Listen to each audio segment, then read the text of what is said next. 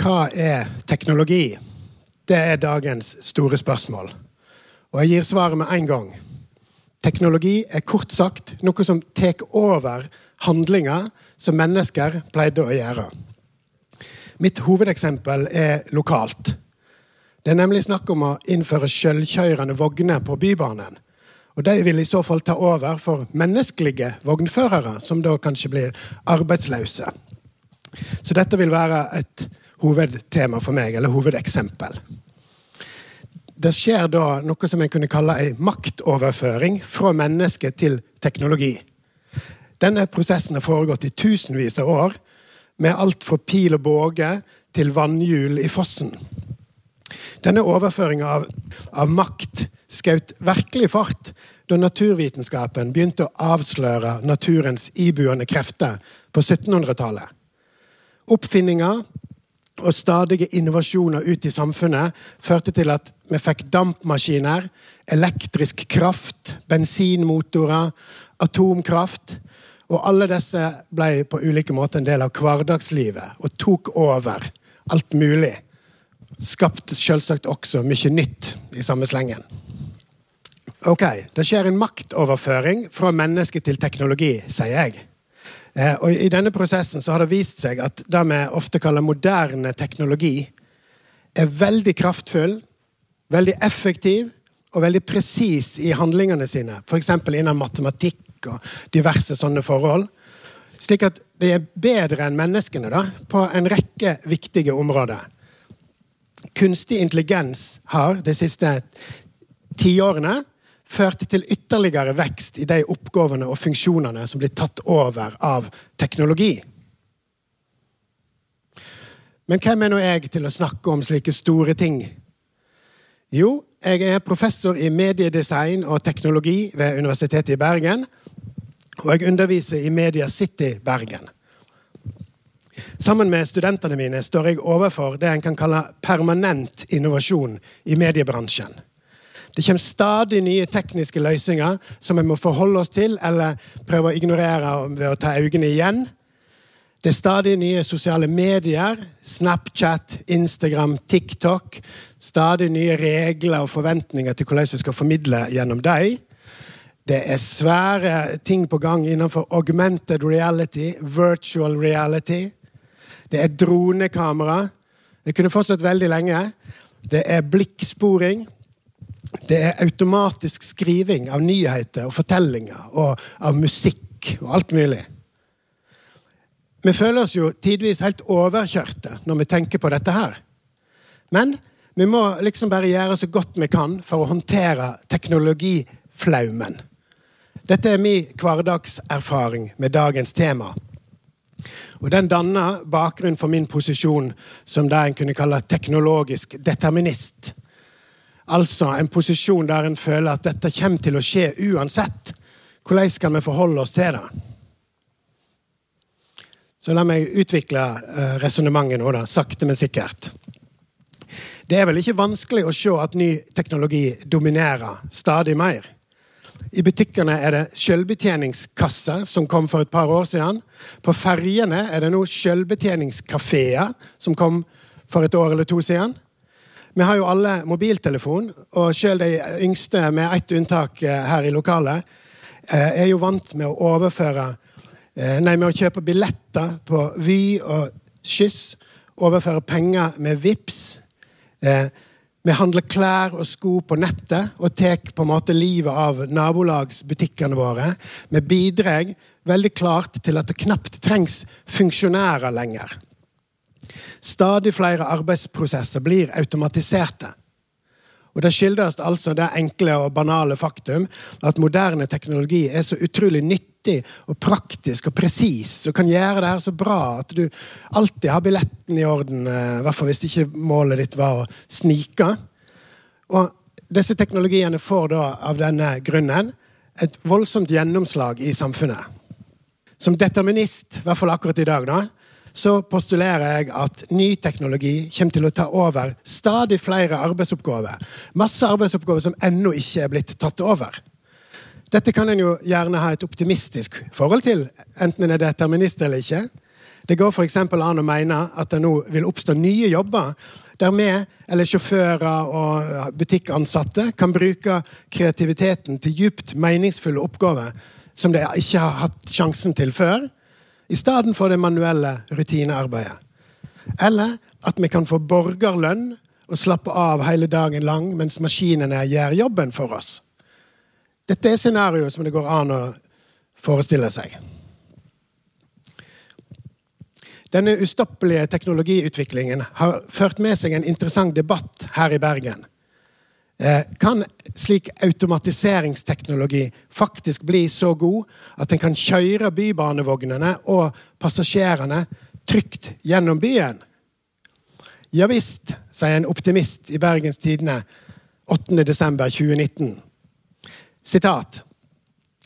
Jeg har på spøk satt opp startdato til 1.6.2027. Men jeg tror at dette er virkelighet innen ti år uansett, sier Johan C. Haveland. Han er leder for passasjertransport i Bybanen AS og snakker om såkalte autonome bybanevogner.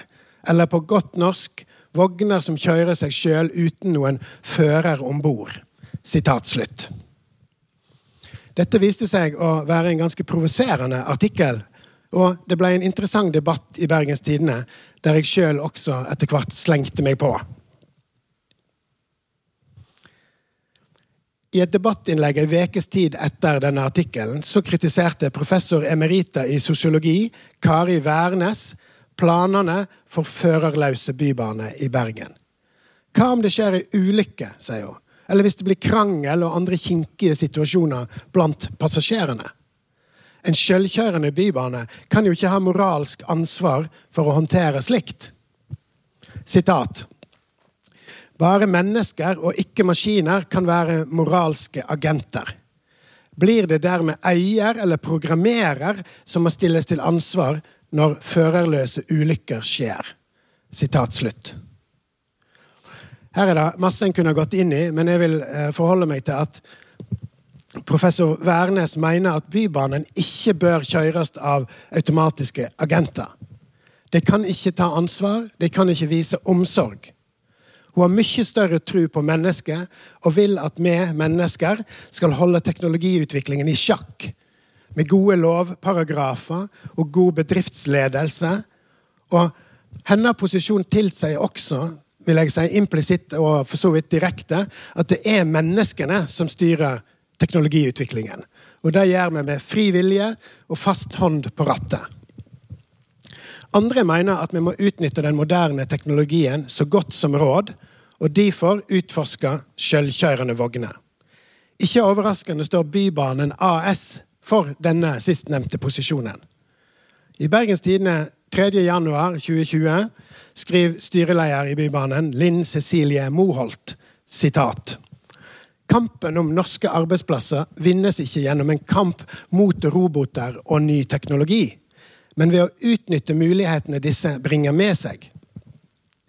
Alternativt kan vi vente til noen andre setter standarden for oss internasjonalt, og deretter implementere andres løsninger her hjemme.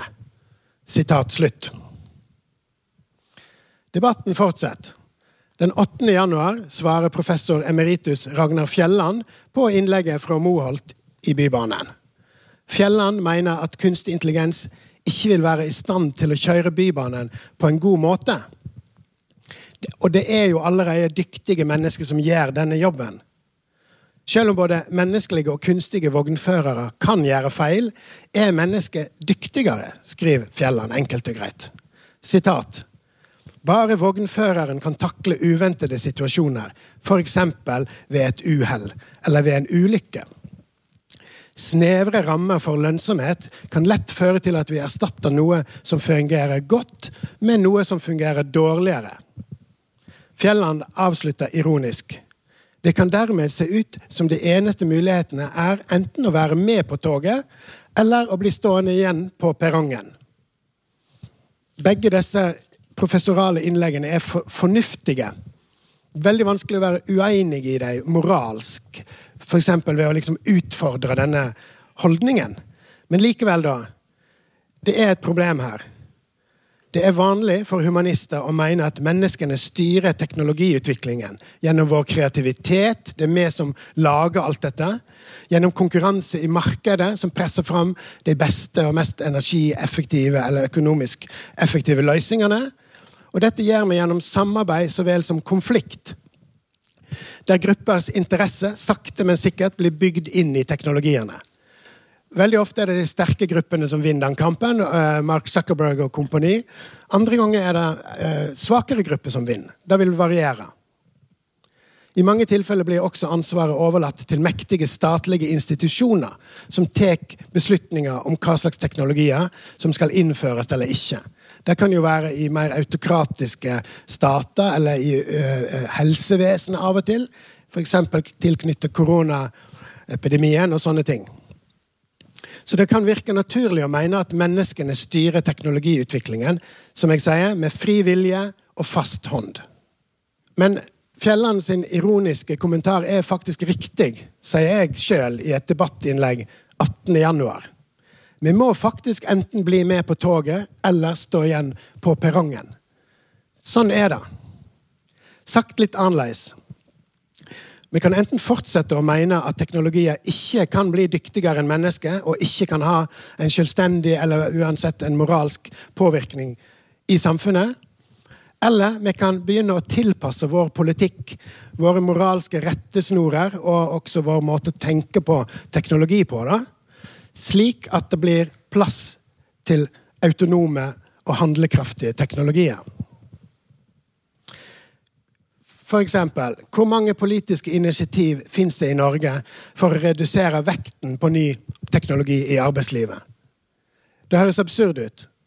Hvor mange tiltak finnes det for å beskytte menneskelige arbeidere mot påvirkningen fra moderne teknologi?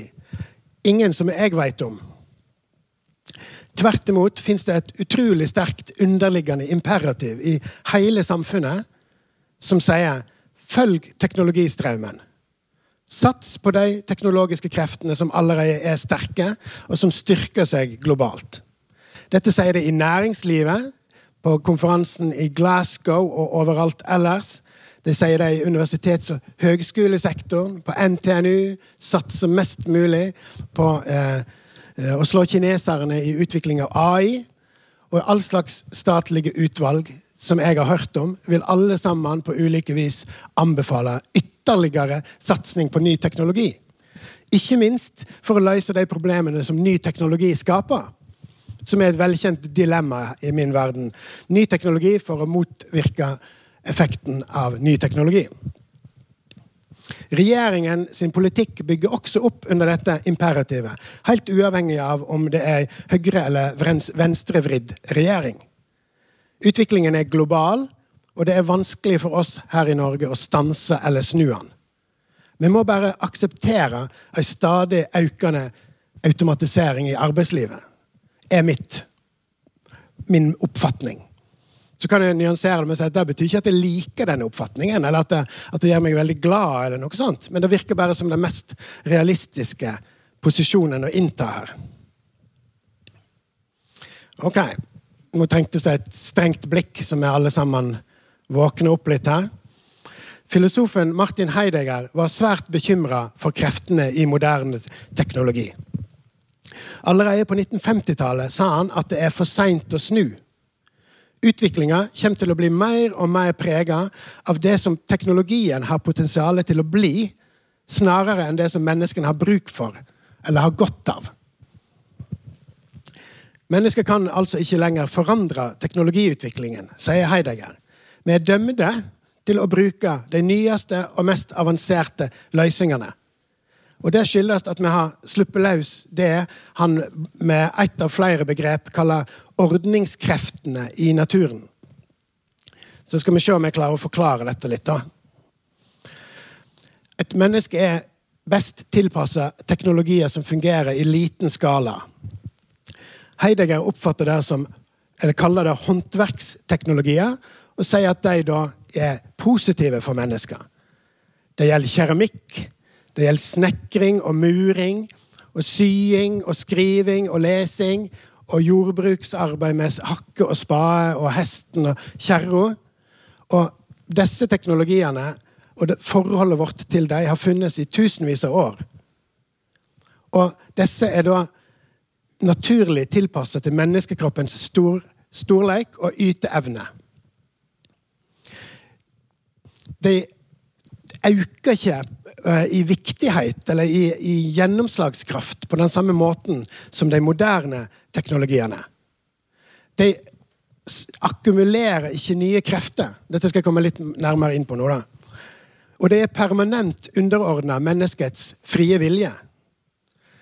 Bonden har kontroll over hesten og kjerra, men ikke over damplokomotivet som dundrer forbi ved sida av jorda hans.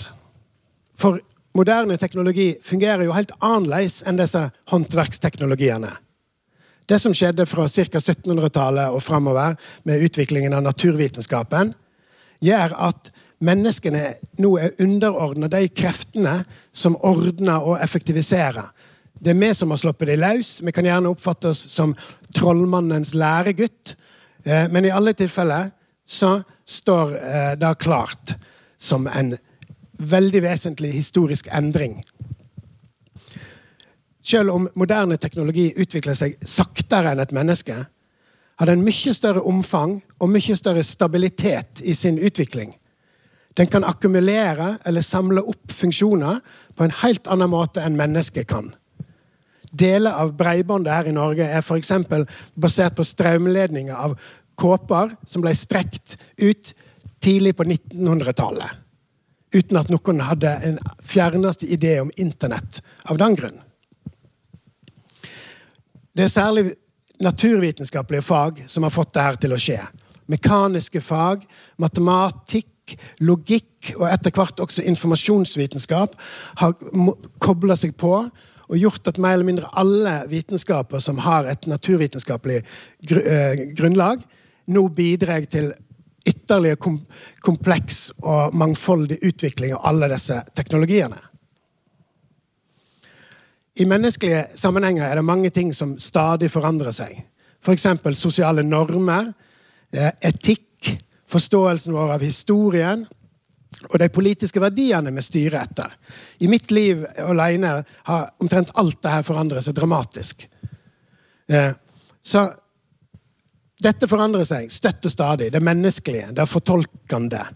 Mens de prinsippene som ligger bak motorer, servomekanismer, datamaskin og nettverk, de er bygde på ting som ikke forandrer seg så lett. De er tvert imot veldig stabile og blir i all hovedsak sterkere og bedre for hver eneste nyvinning, som bare legger seg oppå de eksisterende nyvinningene. Ikke bare da. Eh, menneskene har, Hvert enkelt menneske har en ganske begrensa rolle i denne sammenhengen. Så en ingeniør kan da eh, gjennom sin kløkt og dyktighet delegere handlinger fra mennesker til moderne teknologier og kan dermed enten tenke på det eller ikke, også delegere moralske implikasjoner til teknologiene. Men deretter blir disse handlingene en del av yteevna til teknologien sjøl. Ingeniøren skifter jo jobb, pensjonerer seg og dør til slutt. Men løsningene han bidro til å lage, fortsetter å vokse. Sakte, men sikkert, på så mange slags vis. Derfor er det gode grunner til å være bekymra for hva som vil skje med sjåføryrket og det moralske ansvaret til sjåføren når denne akkumulasjonen nå egentlig for lengst har begynt å ta fatt i navigasjon og kjøring. Der maskinene er i ferd med å overta ansvaret for kjøring av mer eller mindre alt. Biler og tog og båter og fly. Autopiloten er jo på ingen måte noen ny oppfinnelse en av de mest, et av de mest avanserte uttrykkene for denne oppsamlingen av handlekraft, intelligens og muligens moralsk ansvar, er nettopp de selvkjørende bilene. Og, og også da de selvkjørende togvognene. Slike autonome farkoster er basert på kunstig intelligens i kombinasjon med presise styringssystem, og kan gjennom dette gjøre arbeid som sjåfører tidligere pleide å gjøre. Nå skal jeg prøve å gå litt i detalj her. En selvkjørende bil blir styrt av en datamaskin som har såkalla kunstig intelligens. Programmet tar inn data fra omgivelsene, fra en rekke forskjellige sensorer, og setter dem sammen til en modell, en slags form for ikke forståelse, men en, en, en oppfattelse av hva som er rundt bilen, og hva, hvordan de ulike objektene rundt bilen oppfører seg. De objektene kan da åpenbart være andre biler, folk, syklister, ei kyr som har forvillet seg ut i veien, osv. Bilen har da et slags sanse- og resonneringssystem som ikke er likt menneskets, for all del, men likevel da, det ser og det hører med gåseøyne på omgivelsene og måler bevegelsene til bilen og kjører sjøl som følge av den forståelsen det har. De viktigste sensorene ser det her i denne figuren. Det er et kamera, det er laserradar, som blir kalt LIDAR. Det er selvsagt fartsmålere, det er GPS, det er gyroskop, det er akselerasjonsmålere. For å avgjøre hva som fins på sidene og i veibanen, stoler den kunstige intelligensen i stor grad på kameraets datasyn. Og datasyn er forresten noe som blir utvikla i rakettfart, for å si det sånn. Eh, og det blir stadig mer sensitivt og følsomt da for bevegelser, hendelser. Eh, dette resonneringssystemet er jo da i og for seg en parallell til vår menneskehjerne. i hvert fall en svak parallell. Og Det avgjør hva som er smart å gjøre i ulike situasjoner, ut ifra forhåndsprogrammerte prosedyrer. Det setter da i verk fartskontroll, øke og senke farten, bremsemekanismer og styring. Vi mennesker gjør jo dette ved å trykke på gasspedaler og bremser og ved å vri på rattet. I den selvkjørende bilen er det da eh, mange små elektromotorer som utfører disse prosessene etter signal fra datahjernen. Og De har alle sammen også sin vesle datahjerne, eh, som blir synkronisert til et slags felles hjernesystem. Bilen finner veien fra A til B ved hjelp av geolokasjon sammen med kartinformasjon. Styringa foregår på i hvert fall tre nivå. Det fins en plan for hele reisa. Eh, det fins en plan for det som må gjøres innenfor sansehorisonten, basert på trafikkbildet. Det kan f.eks. være å velge rett kjørefelt framfor et stort kryss det mest detaljerte nivået er styringa etter veimerking og andre objekt nær og i veibaner som eh, en da må forholde seg til i realtid. Og det er her ulykkene i utgangspunktet ville skje, altså hvis dette systemet ikke er godt nok. Men alle disse tre planene blir justert i realtid av datahjernen. Denne datahjernen kan forresten ikke stole på å være tilkobla til internett.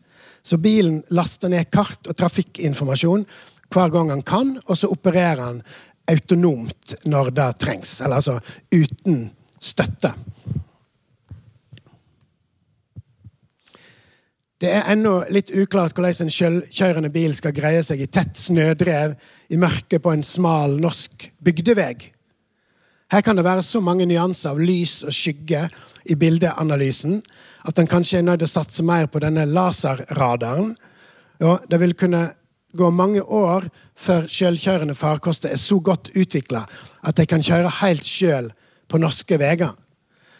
Men det er et litt kunstig eksempel, fordi det finnes så mange måter å understøtte denne teknologien på eh, eh i mer urbane strøk og i eh, mer større veisystem, slik som en motorvei mellom eh, Oslo og Bergen, la oss si. I dag kjører nå også forresten hver bil alene i trafikken. I framtida vil en kanskje bygge ut sendere langs veiene, slik at bilene kan styre etter disse signalene og bli mindre avhengig både av de navigasjonssystemene jeg nettopp har snakket om, og også mindre påvirka av de andre bilene i trafikken. Fordi bilene vil trolig kommunisere via radio for å koordinere kjøringen seg imellom. Det kan f.eks. være slik at de finner ut gjennom en rask forhandling hvem som skal kjøre først inn i rundkjøringen som begge bilene skal inn i, slik at de ikke kolliderer eller forsenker hverandre. I tillegg kan bilene kjøre med svært kort avstand seg imellom, fordi at det ikke er mennesker som skal kjøre det. Du trenger ikke den tresekundersregelen, og da vil du effektivisere trafikkflyten enda mer. Ja, denne miniforelesningen om selvkjørende biler viser at de ordningskreftene som Martin Heidegger snakker om, er i full blomst. Det er orden, det er presisjon, det er effektivitet, det er rasjonalitet, det er kognitive funksjoner i teknologier på en måte som bare øker i slagkraft. De har aldri hatt bedre vilkår enn de har nå, og da kan en si til hvert tidspunkt fra en eller annen gang på 1750-tallet og fram til nå. Så da kjører jeg litt den her. Det fins ikke noe alternativ. Det er forresten mye enklere å navigere bybanevogner på faste spor gjennom Bergen enn å navigere biler på motorveien eh, til Oslo eller over Hamlagrø seint på høsten. Datahjernen kan programmeres for å bli flinkest mulig til å fange opp objekt og hendelser som er sannsynlige langs traseen. Sykler og folk og hunder. Og det er lett å bringe nødetatene til staden hvis det skjer ei ulykke. Det betyr igjen ikke at det er en perfekt teknologi som en bør tilslutte seg eh, nærmest i blinde. Men det betyr at dette her er veldig sannsynlig at det vil kunne fungere godt nok. Når det gjelder debatten i Bergens Tidende, er det altså styrelederen i Bybanen, Linn Cecilie Moholt, som har rett. De jobbene som fører seg etter dyktige mennesker skal styre noe, kommer til å bli borte fordi autonome farkoster blir stadig bedre til å styre ting. Moralske dilemmaer vil sannsynligvis da bli takla på ad hoc-basis underveis i utviklingsprosessen. Det mest sannsynlige scenarioet er at alle yrkessjåfører som kjører lastebil, drosje, buss, tog, båt og fly, til slutt mister jobben. Ny teknologi vil overta all kjøring av farkoster. Så her er jeg jo ganske tydelig, da med all den faren det innebærer. Men litt ironisk sagt så er det vel lite sannsynlig at teknologier i framtida blir stadig mindre handlekraftige. At Mark Zuckerberg og Elon Musk og den norske regjeringen satser på å gjøre det mindre intelligente, mindre virksomme i samfunnet vårt, slik at vi kan bevege oss tilbake eh, til en bedre tidsalder, la oss si der eh, teknologier blir strippa for funksjoner, og til slutt har vendt tilbake til en håndverksteknologisk situasjon slik vi hadde i steinalderen eller Romerriket. Det er liksom ikke det mest sannsynlige scenarioet for år 2100. Men hva med politisk motstand mot denne utviklingen, da? Bergen kunne kanskje innført en regel om at bare mennesker får lov å kjøre farkoster i denne byen. Og bare mennesker kan være ansvarlig for det som skjer underveis. Men da måtte jo byen mellom de sju fjell ha blitt enda særere.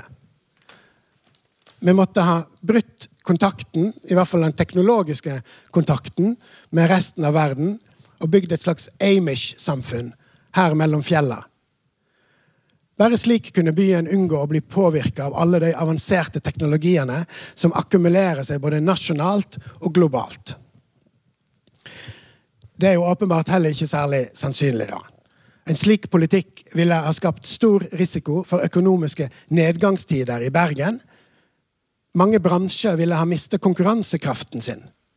Det ville garantert ha oppstått konflikt mellom de, mellom de som ønsker å gjennomføre en nedbygging av moderne teknologi, og de som ønsker å være med videre på akkumulasjonen.